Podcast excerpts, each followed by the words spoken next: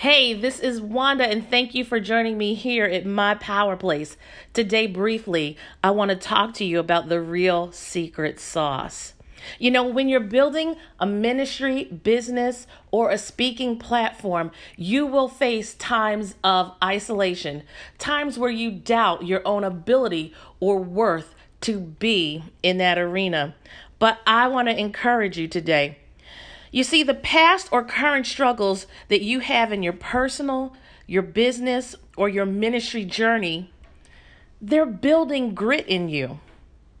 Just take a few minutes and reflect on a time when you knew you should have totally given up in the past, but you didn't.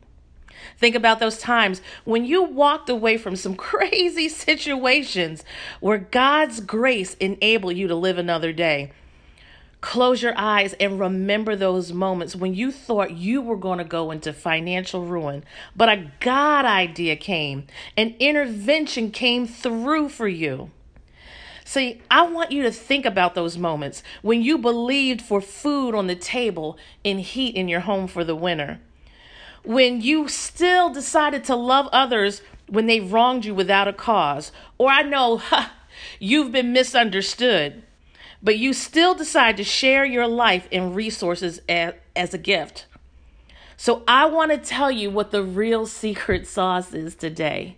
The real secret sauce is you. That's the secret I want to tell you. See, you can build any platform you desire, any vision that God has placed in your heart. You can do this, lady.